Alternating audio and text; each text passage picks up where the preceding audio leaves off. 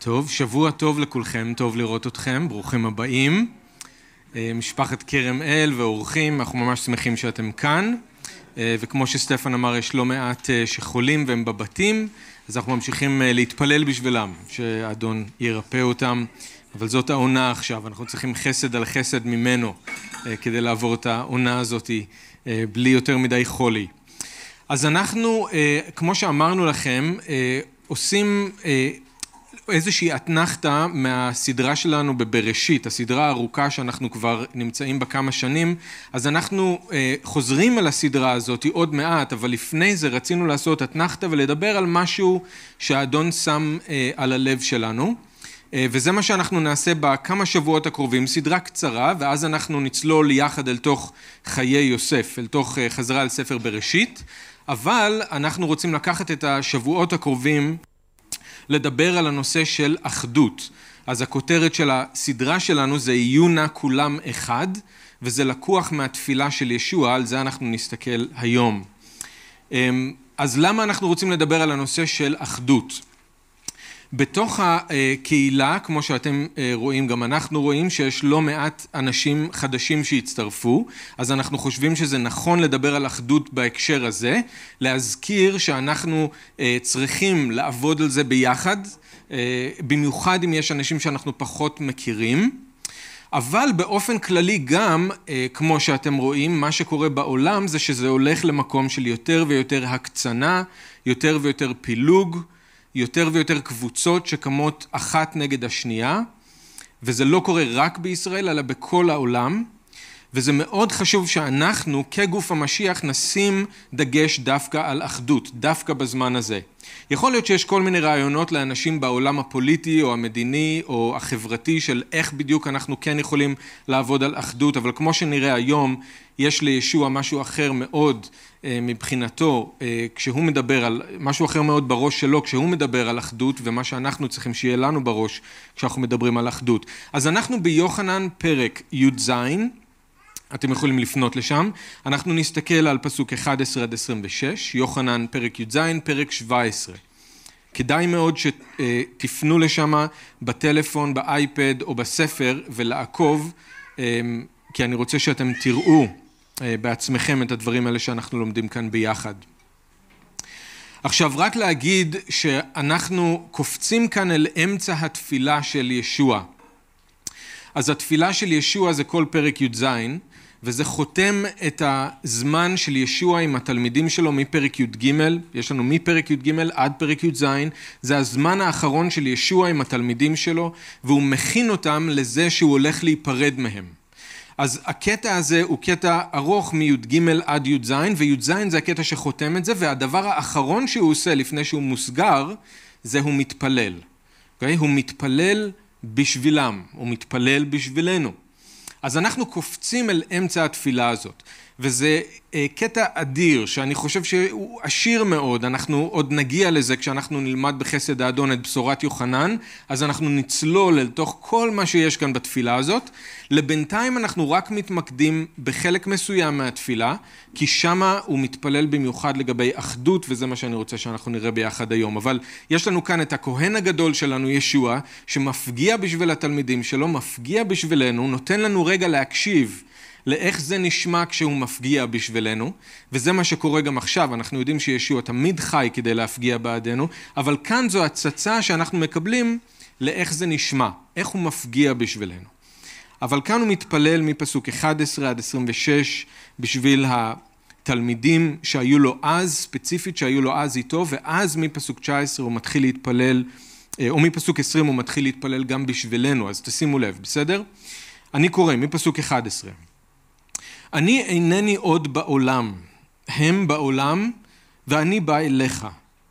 אבי הקדוש, שמור אותם בשמך אשר נתת לי, למען יהיו אחד כמונו.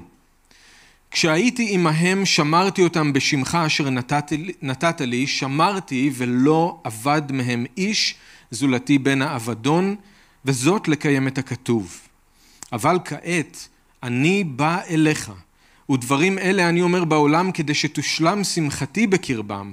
אני נתתי להם את דברך והעולם שנא אותם, כי אינם מן העולם, כשם שאני אינני מן העולם. אינני מבקש שתיקחם מן העולם, אלא שתשמרם מן הרע. אין הם מן העולם כשם שאני אינני מן העולם, קדש אותם באמת, דברך אמת. כמו ששלחת אותי אל העולם, כן גם אני שלחתי אותם אל העולם, ולמענם אני מקדיש את עצמי כדי שיהיו גם הם מקודשים באמת. והנה הוא מתפלל כאן בשבילנו, לא רק באדם אני מבקש, אלא גם בעד המאמינים בי על יסוד דברם. יהיו נא כולם אחד. כמו שאתה אבי בי ואני בך, שיהיו גם הם בנו, כדי שיאמין העולם כי אתה שלחתני. אני נתתי להם את הכבוד שנתת לי, למען יהיו אחד כמו שאנחנו אחד. אני בהם ואתה בי, כדי שיושלמו להיותם אחד. למען ידע העולם כי אתה שלחתני ואהבת אותם כמו שאהבת אותי. אבי, אלה שנתתם לי, רצוני שיהיו גם הם איתי באשר אני, למען יחזו בכבודי אשר נתת לי, כי אהבת אותי מלפני היווסד תבל. אבי הצדיק, העולם לא הכירך, אבל אני הכרתיך, הכרתיך, ואלה הכירו שאתה שלחתני. הודעתי להם את שמך ואוסיף להודיע כדי שתהיה בהם האהבה אשר אהבתני ואני אהיה בהם. אדון ישוע, אנחנו באים לשבת לרגליך ולהקשיב לדברך. אנחנו יודעים שזה החלק הטוב שלא יילקח מאיתנו. ואנחנו אף פעם לא מבזבזים זמן כשאנחנו מקדישים תשומת לב למה שלך יש להגיד לנו מתוך דברך. אנחנו מתפללים שאתה תבוא ברוח הקודש ותחיה את דברך ללב שלנו, לשכל שלנו, למחשבות שלנו. אנחנו יודעים שיש הרבה הסחות דעת. הסחות דעת שאנחנו באנו איתם לכאן היום, הסחות דעת תוך כדי מחשבות, דאגות, אנחנו מתפללים שתיתן לנו אבל לב שומע. לב שומע, שאנחנו נוכל להפנים את מה שאתה רוצה שאנחנו נשמע ונבין ומה שגם נעשה עם זה. ואנחנו ניגשים בחרדת קודש יותר מהרגיל אל הקטע הזה, אדון ישוע, בגלל שזוהי התפילה שלך עבורנו. אנחנו לא יכולים להוסיף על הדברים האלה, אנחנו לא מותחים ביקורת על הדברים האלה, אנחנו באים כדי להקשיב, אנחנו באים כדי לשמוע. מה אתה מבקש מהאב בשבילנו? מה על הלב שלך? אז אנחנו מתפללים שתעזור לנו להקדיש תשומת לב למה שאתה אומר לנו, ושהדברים האלה יישאו פרי בחיים שלנו. בשמך אדון ישוע. אמן. אז כמו שישוע אמר, מתוך השופע בלב מדבר הפה, נכון? אז אם אנחנו רוצים לדעת מה שופע בלב של ישוע, אז כל מה שאנחנו צריכים לעשות זה להקשיב למה שהפה שלו אומר. ובמיוחד בעניין הזה של אחדות. יש לנו כאן הזדמנות נדירה לשמוע מה ישוע אומר לאב בעניין של אחדות בין מאמינים. הוא נותן לנו לצוטט לשיחה הזאת שלו עם האב לגבינו. אנחנו רוצים להקשיב. בעולם יש הרבה מאוד דעות לגבי מה זאת אחדות, למה זה חשוב, איך אפשר להשיג את זה. וזה לא שאין שם בכלל דברים מועילים במה שיש לעולם להגיד על זה, אבל זה עדיין דעות של אנשים, רק דעות של אנשים. אנחנו רוצים לדעת מה יש לישוע להגיד על אחדות, מה שופע בלב שלו בעניין הזה. אז הערב כל מה שאני רוצה שאנחנו נעשה זה שאנחנו נקשיב לישוע מדבר עם האב על אחדות. ניתן למה שהוא אומר להלהיב אותנו, לאתגר אותנו, לכוון אותנו. המטרה כרגע היא פחות לדבר על צעדים פרקטיים ויותר פשוט מאוד לנסות לתפוס את הלב של ישוע בעניין הזה של אחדות. ותראו שישוע בעצמו הוא לא אומר לתלמידים שלו לשמוע את התפילה הזאת כדי שאחר כך הם ירוצו ויעשו עם זה משהו, הוא לא נותן להם רשימה של נקודות לביצוע. בפסוק 13 הוא אומר שהוא מתפלל בגלוי באוזני התלמידים שלו, למה? כדי שתושלם שמחתו בקרבם. הוא רוצה שהם יתעודדו ממה שהם שומעים, וייתנו לתפילה שלו לכוון אותם ולחזק אותם. אז כשאנחנו מקשיבים לישוע, מה אנחנו שומעים? אני חושב שאפשר לשמוע שלושה דברים ששופעים בלב של ישוע לגבי אחדות. והדרשה הזאת היא באמת נועדה לתת לנו להרגיש מה בלב של ישוע, מה יש בלב של ישוע לגבי אחדות. אנחנו נגיע לדברים יותר פרקטיים בהמשך, אבל אנחנו רוצים קודם כל לנסות לקבל חזון, או לנסות להרגיש עם ישוע מה הוא מרגיש לגבי אחדות, ולמה הוא קורא אחדות. הדבר הראשון שאנחנו שומעים כאן זה שהלב של ישוע שופע בתשוקה. הוא שופע ברצון הזה שכולם יהיו אחד. עכשיו למה אני אומר את זה? כי למרות שבתפילה של ישוע הוא מבקש מהאב כמה דברים בשביל התלמידים שלו, זה נכון, אני רוצה שתראו שהבקשה שלו שכולם יהיו אחד, זה בעצם הדבר המרכזי. זה בעצם הדבר המרכזי. בפסוקים 11 ו-15 הוא מבקש מהאב שיגן עליהם, נכון? שמור אותם בשמך ואינני מבקש שתיקחם מן העולם אלא שתשמרם מן הרע. בפסוק 17 הוא מבקש מאב שיקדש אותם, קדש אותם באמת, דברך אמת. בפסוק 24 הוא מבקש מהאב שבסוף הם כולם יהיו איתו ביחד לנצח. רצוני שיהיו גם הם איתי באשר אני למען יחזו בכבודי אשר נתת לי, כי אהבת אותי מלפני וסד תבל. אז נכון שיש כאן כמה דברים שישוע מבקש, אבל תראו שארבע פעמים הוא מדבר על הרצון שלו שכולם יהיו אחד. למען יהיו אחד כמונו, בפסוק 11. יהיו נא כולם אחד, פסוק 21. למען יהיו אחד כמו שאנחנו אחד, פסוק 22, כדי שיושלמו להיותם אחד, פסוק 23. זה כאילו שלישוע יש בעצם רק בקשה אחת וכל הבקשות האחרות הן כהרים סביב לה. שמור אותם למען יהיו אחד. קדש אותם באמת למען יהיו אחד. רצוני שהם יהיו גם איתי, גם הם איתי, למען יהיו אחד. זה לא פעם ראשונה שאנחנו שומעים את זה מישוע. אתם זוכרים בפרק י' כשישוע אומר על עצמו שהוא הרועה הטוב? אתם זוכרים מה הוא אומר שם על הצאן? גם צאן אחרות יש לי אשר אינן מן המכלה הזה, הוא מדבר כאן במקרה הזה על הגויים, עליי להנהיג גם אותן, הן את, הן את קולי תשמענה, ויהיה עדר אחד ורועה אחד. אז זה לא מפתיע שבתפילה האחרונה שלו בשביל התלמידים, אנחנו שומעים שישוע מדבר על אחדות. אבל עכשיו זה נהיה ברור שזה לא סתם עוד נושא בשבילו, זה מה שבוער בלב שלו. התלמידים לא פספסו את זה. איך אנחנו יודעים את זה? כי המילה הזאת אחד לא עוזבת אותנו אחרי שהתפילה הזאת מסתיימת. היא ממשיכה להופיע אחר כך בכל מקום בברית החדשה. כאילו שאנחנו צריכים תזכורת כל הזמן, שלא נשכח מה הדבר האחד הזה שבוער בלב של ישוע. אני לא יודע אם יצא לכם פעם לעמוד באמצע מערה מאוד גדולה או באיזשהו אזור בטבע שהוא בין הרים ולצעוק איזושהי מילה אל תוך האוויר. אבל אם יצא לכם לעשות את זה אז אתם יודעים מה קורה, נכון? ההד של הקול שלכם ממשיך לחזור עם המילה שצעקתם.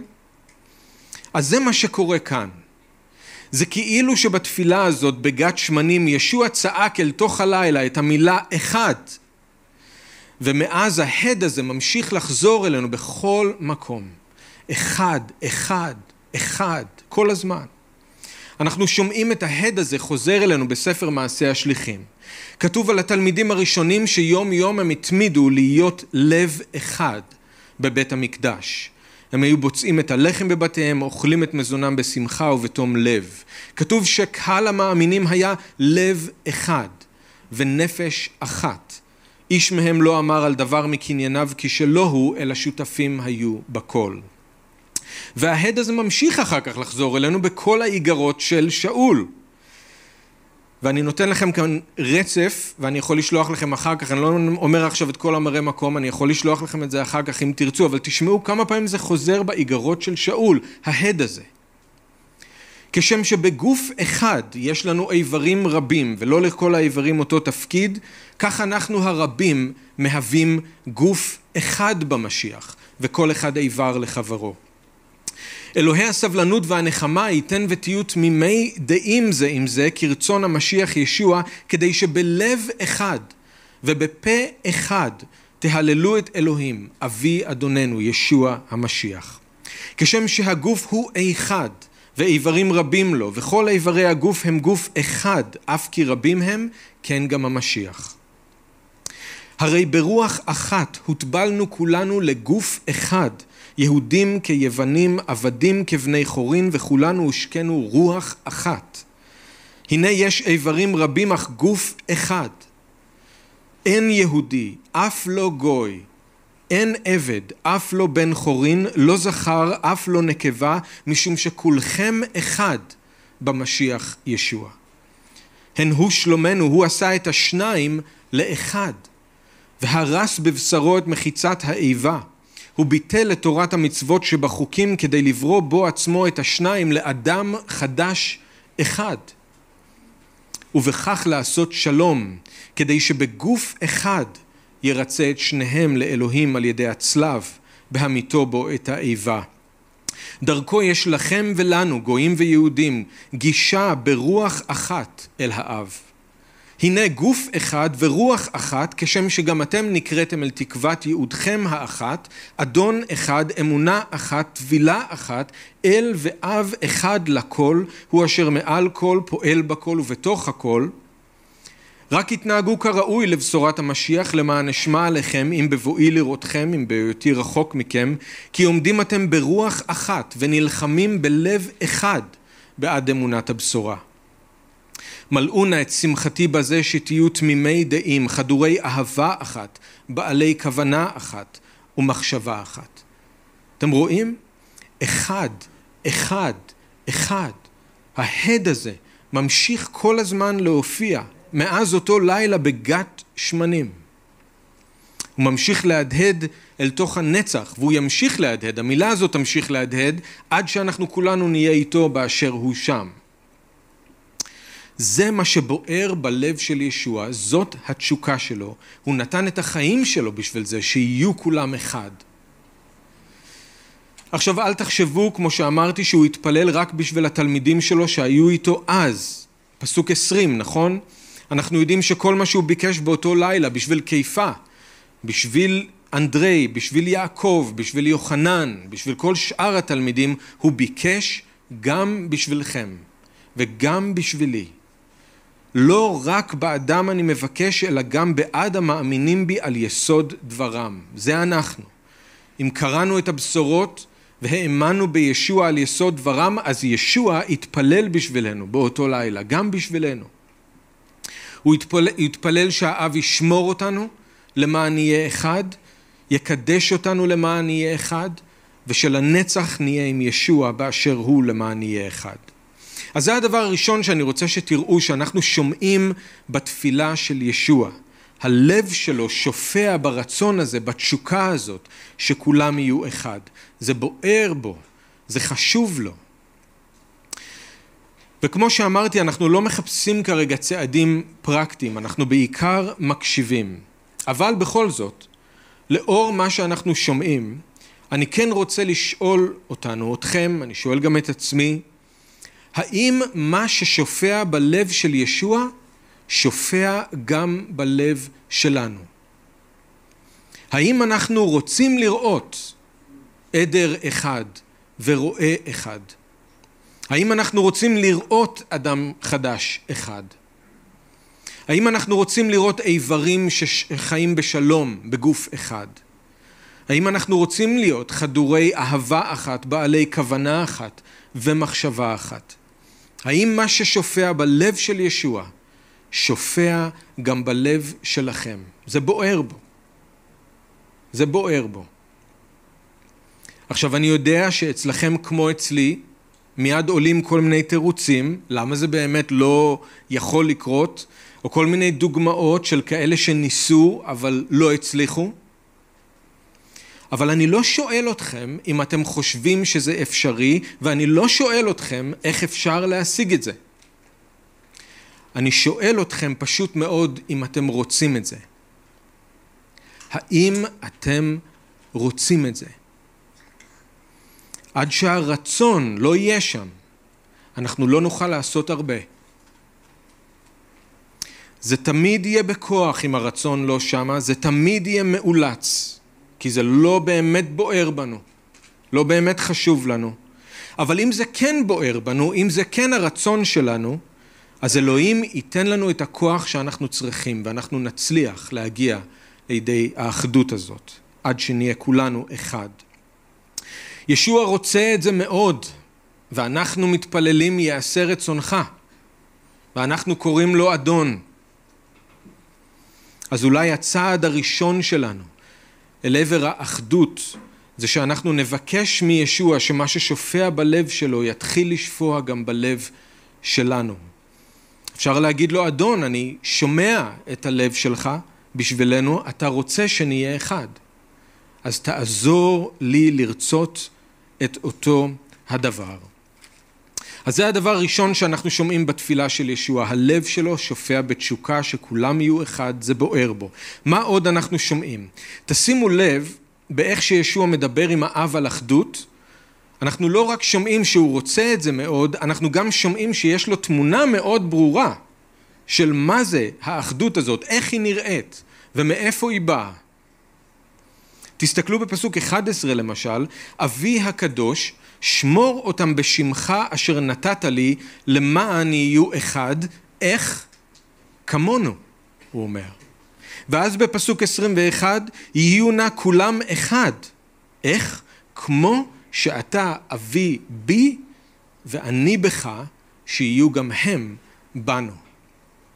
אז לא רק שבלב של ישוע יש תשוקה לאחדות, אלא הוא גם מכוון הכי גבוה שאפשר.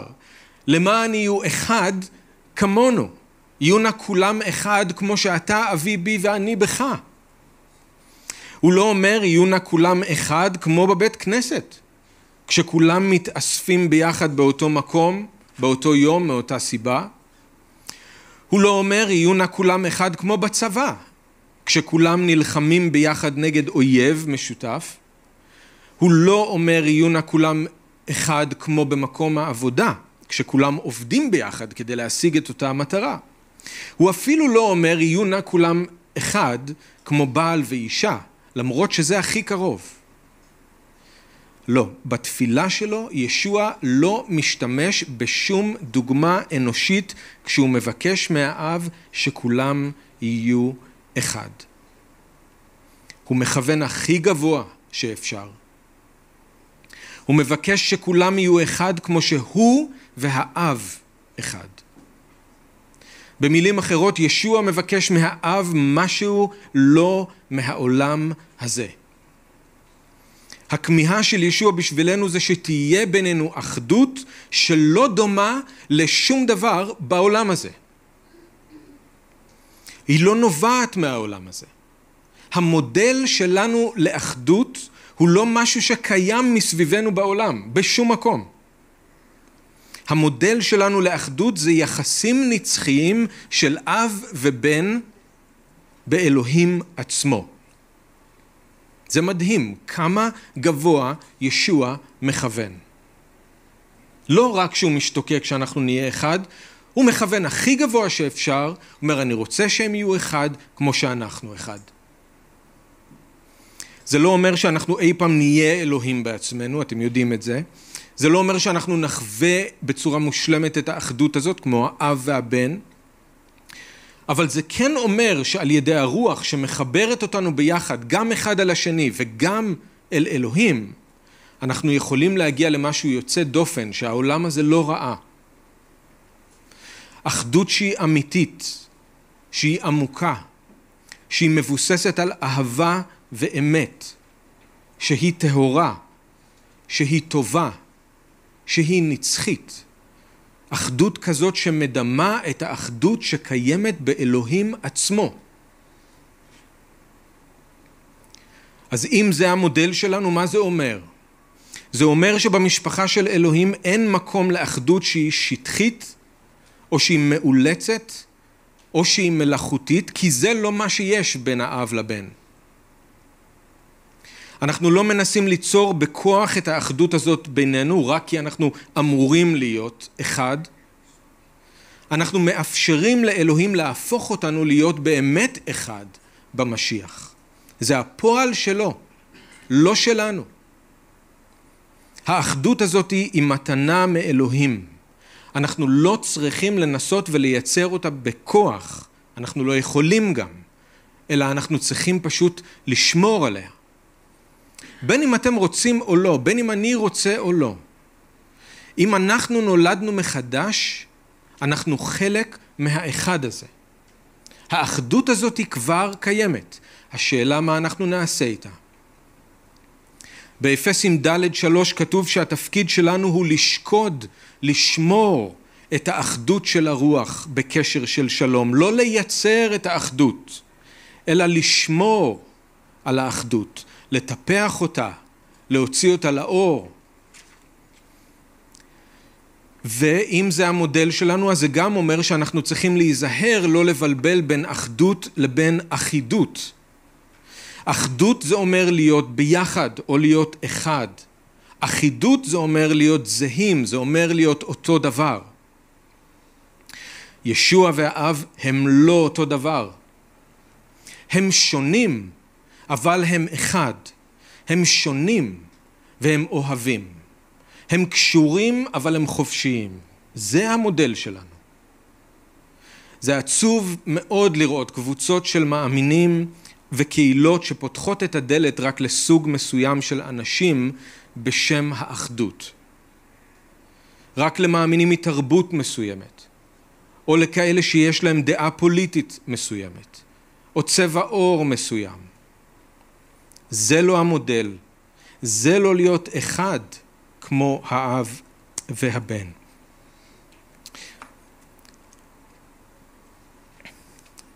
אתם מכירים אותי כבר, אז אתם יודעים שזה ייקח רגע, אבל בסדר. נתקדם.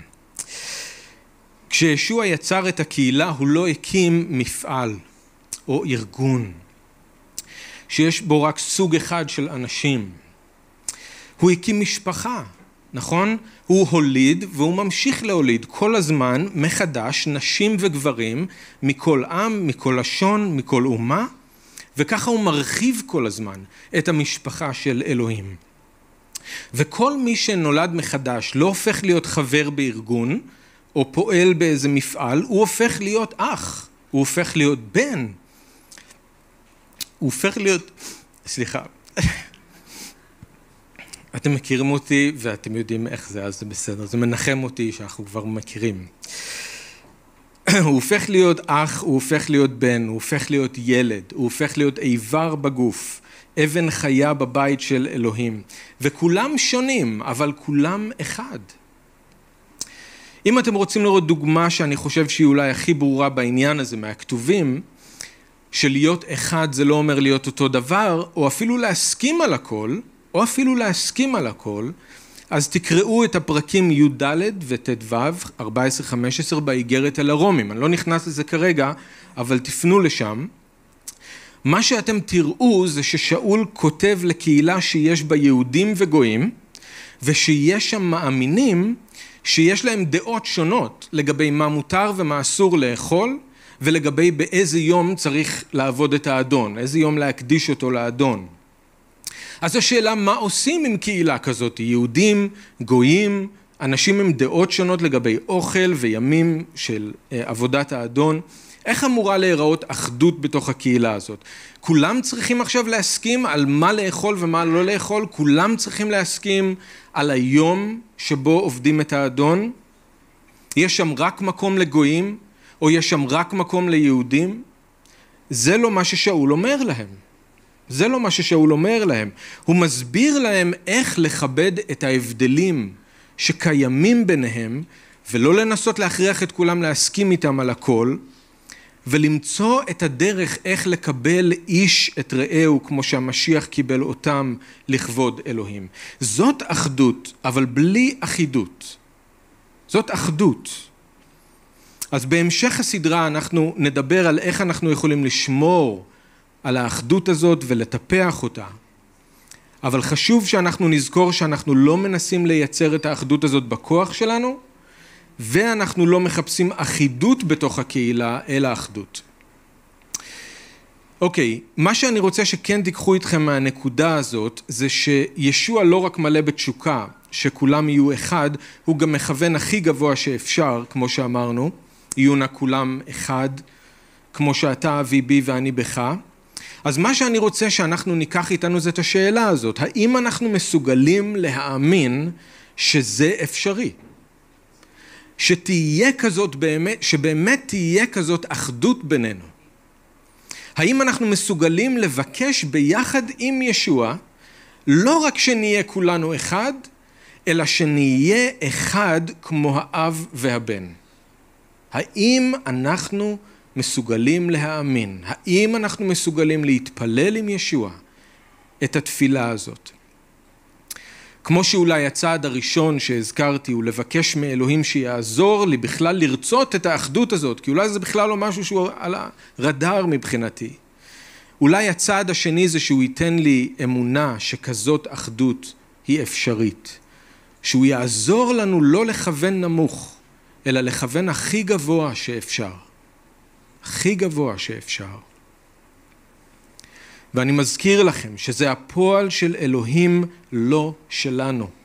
אז אנחנו לא צריכים להתעסק בשאלה אם זה אפשרי או איך זה יקרה. אנחנו צריכים לרצות ואנחנו צריכים לבקש ואנחנו צריכים לעשות את כל מה שביכולתנו כדי לשמור על האחדות הזאת ולטפח אותה. אוקיי, הדבר האחרון שאנחנו שומעים בתפילה של ישוע, לא רק שהוא רוצה את האחדות הזאת, לא רק שהוא מכוון הכי גבוה שאפשר, אנחנו שומעים בלב של ישוע שיש בו גם תקווה שהעולם יראה את האחדות הזאת ויאמין. תראו בפסוקים 21 עד 23, יהיו נא כולם אחד כמו שאתה אבי בי ואני בך, שיהיו גם הם בנו, כדי שיאמין העולם, כי אתה שלחתני. אני נתתי להם את הכבוד שנתת לי, למען יהיו אחד כמו שאנחנו אחד, אני בהם ואתה בי, כדי שיושלמו להיותם אחד, למען ידע העולם, כי אתה שלחתני, ואהבת אותם כמו שאהבת אותי. יהיו נא כולם אחד כדי שיאמין העולם, שיושלמו להיותם אחד למען ידע העולם. כאן אנחנו שומעים את הלב של ישוע עבור העולם. ישוע יודע שיש עוד אנשים בעולם שיאמינו בו. עכשיו הם עדיין בעולם, אבל הם צריכים להאמין בו. אבל איך הם יאמינו בו? אז זוכרים מה שאמרנו על יסוד דברם? ישוע התפלל? אז זה נכון, זה על יסוד הלימוד של השליחים ועל יסוד הבשורה, אבל זה לא רק, פה אנחנו מבינים, זה לא רק על יסוד דברם, אלא גם בגלל האחדות שתהיה ביניהם. הבשורה זה המילים, האחדות זאת ההוכחה. מאוד דומה למה שישוע כבר אמר להם בפרק י"ג, בזאת ידעו הכל שאתם תלמידיי, אם תהיה אהבה ביניכם. ומסתבר, נכון, שאחדות זאת לא המטרה הסופית, שזה מעניין. לפעמים אולי אנחנו שמים לעצמנו את האחדות כמטרה, אבל זאת לא המטרה הסופית. אחדות רק לשם אחדות? לא. המטרה של האחדות זה לאפשר לעולם לראות את הכבוד של ישוע. עכשיו זה מאוד חשוב, כי בניסיון לטפח אחדות אנחנו עלולים ליפול למלכודת של יותר מדי התעסקות פנימית בתוך עצמנו, ולשכוח שיש עולם בחוץ שצריך לשמוע על ישוע ולראות את אור הבשורה, ושיש מטרה לאחדות שלנו שהיא הרבה מעבר לאחדות שאנחנו רוצים לראות בתוך כרם אל, הרבה מעבר לעצמנו. המטרה הסופית היא לא להגיע לאחדות, אלא שדרך האחדות העולם יאמין. ישוע התפלל שנהיה כולנו אחד כדי שיאמין העולם. אנחנו כאן בשביל שהעולם יאמין. ישוע התפלל שהאב לא ייקח אותנו מן העולם, ישאיר אותנו בעולם וישמור אותנו מן הרע בתוך העולם, כדי שהעולם יראה ויאמין. בפסוק 18 הוא אומר, כמו ששלחת אותי אל העולם, כן גם אני שלחתי אותם אל העולם. אנחנו לא מרגישים שאנחנו בשליחות, אנחנו צריכים להזכיר לעצמנו שאנחנו פה בשליחות, ולהזכיר לעצמנו אולי שהייתה אופציה אחרת. אחרת ישוע לא היה אומר את זה. הייתה אופציה שברגע שאנחנו נולדים מחדש, אלוהים כן לוקח אותנו מן העולם. אחרת ישוע לא היה מבקש את זה. אז אנחנו פה, עדיין פה, בגלל שזאת תשובה לתפילה של ישוע. אלוהים לא לקח אותנו מן העולם כי ישוע אמר לו, אני לא מבקש שתיקח אותם מן העולם, תשאיר אותם פה. אתם פה בשליחות, אני פה בשליחות, אנחנו הרבה פעמים עסוקים בעצמנו יותר מדי. אנחנו שוכחים שאנחנו פה בשליחות למען מי? למען העולם. למען העולם. בשבועות הקרובים אנחנו נדבר על מה אנחנו יכולים לעשות כדי לשמור על האחדות הזאת שקיבלנו ולטפח אותה כמו שאמרתי, אבל אני רוצה לעודד את כולנו לחשוב על איך אנחנו לוקחים את האחדות הזאת ובסוף איכשהו שמים אותה בחלון הראווה של העולם כדי שכולם יראו. אם אנחנו מספרים לעולם שאלוהים הוא אהבה, ואם אנחנו מספרים שישוע אהב אותנו כשעוד היינו חוטאים וריצה אותנו לאלוהים במוות ובתחייה שלו. אם אנחנו מספרים לאנשים שבישוע יש כוח להפוך את השניים לאדם אחד חדש ושבישוע יש סליחה ויש חסד, אז בואו נראה את זה לעולם. בואו נראה את זה לעולם. זה מצוין שאנחנו יודעים איך לבשר לעולם במילים. אבל ישוע אומר, אני רוצה שגם תראו לעולם איך זה נראה. אני רוצה שהעולם יראה את זה באיך שאתם מתנהגים אחד לשני. באיך שאתם מתנהגים אחד לשני. ככה העולם יראה. הוא אומר, אני רוצה שהם יראו שאתם אחד. אל רק תהיו אחד, תראו לעולם שאתם אחד. אל תסתירו את זה, אני רוצה להאיר את האור שלי דרככם, ישוע אומר. אבל אם אין אחדות, אז הכל אטום, הכל סגור. האור פה. יש לנו ישועה וחיי נצח, אבל אף אחד לא יכול לראות את זה. כי מה שרואים זה מריבות או מחלוקות או פילוגים או כל מיני דברים כאלה, או אדישות, קרירות, חוסר אהבה בינינו. ישוע אומר, אני רוצה שהם יראו שאתם אחד. שיראו את זה. אז זה מאוד חשוב שנבין כשאנחנו מדברים על אחדות זה לא רק כדי שיהיה יותר נעים וכיף בשבילנו להיות חלק מקהילה כזאת מאוחדת יותר. גיבושון והתחברות וקבוצות בית אנחנו עלולים ליפול למלכודת הזאת של כל הזמן לעבוד על, על שיפוץ פנימי כדי שלנו יהיה יותר נעים ונוח. זאת לא המטרה. לא בגלל זה אנחנו עושים דברים כמו הגיבושון. לא בגלל זה יש קבוצות קטנות.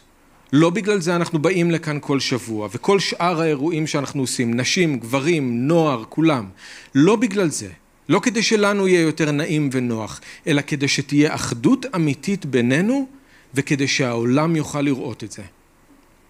זאת המטרה הסופית, זה הרבה מעבר לנו, זה הרבה יותר גדול מכרם אל. ברור שזה לא אומר שאם אנחנו נהיה מאוחדים, אז פתאום כולם מסביבנו יאמינו. הוקוס פוקוס. אנחנו עבדנו על אחדות ואנחנו מאוחדים ופתאום כולם מסביבנו מאמינים. לא. יש אנשים שלא יאמינו בגלל שהם פשוט מאוד אוהבים את החושך ושונאים את האור וזה לא משנה כמה מאוחדים אנחנו נהיה. זה לא משנה. אבל התוצאות הן לא בידיים שלנו. אנחנו צריכים לשמור על האחדות ולטפח אותה ולהציג אותה לעולם כדי שתהיה לאנשים ההזדמנות לראות ואז להחליט אם להאמין או לא.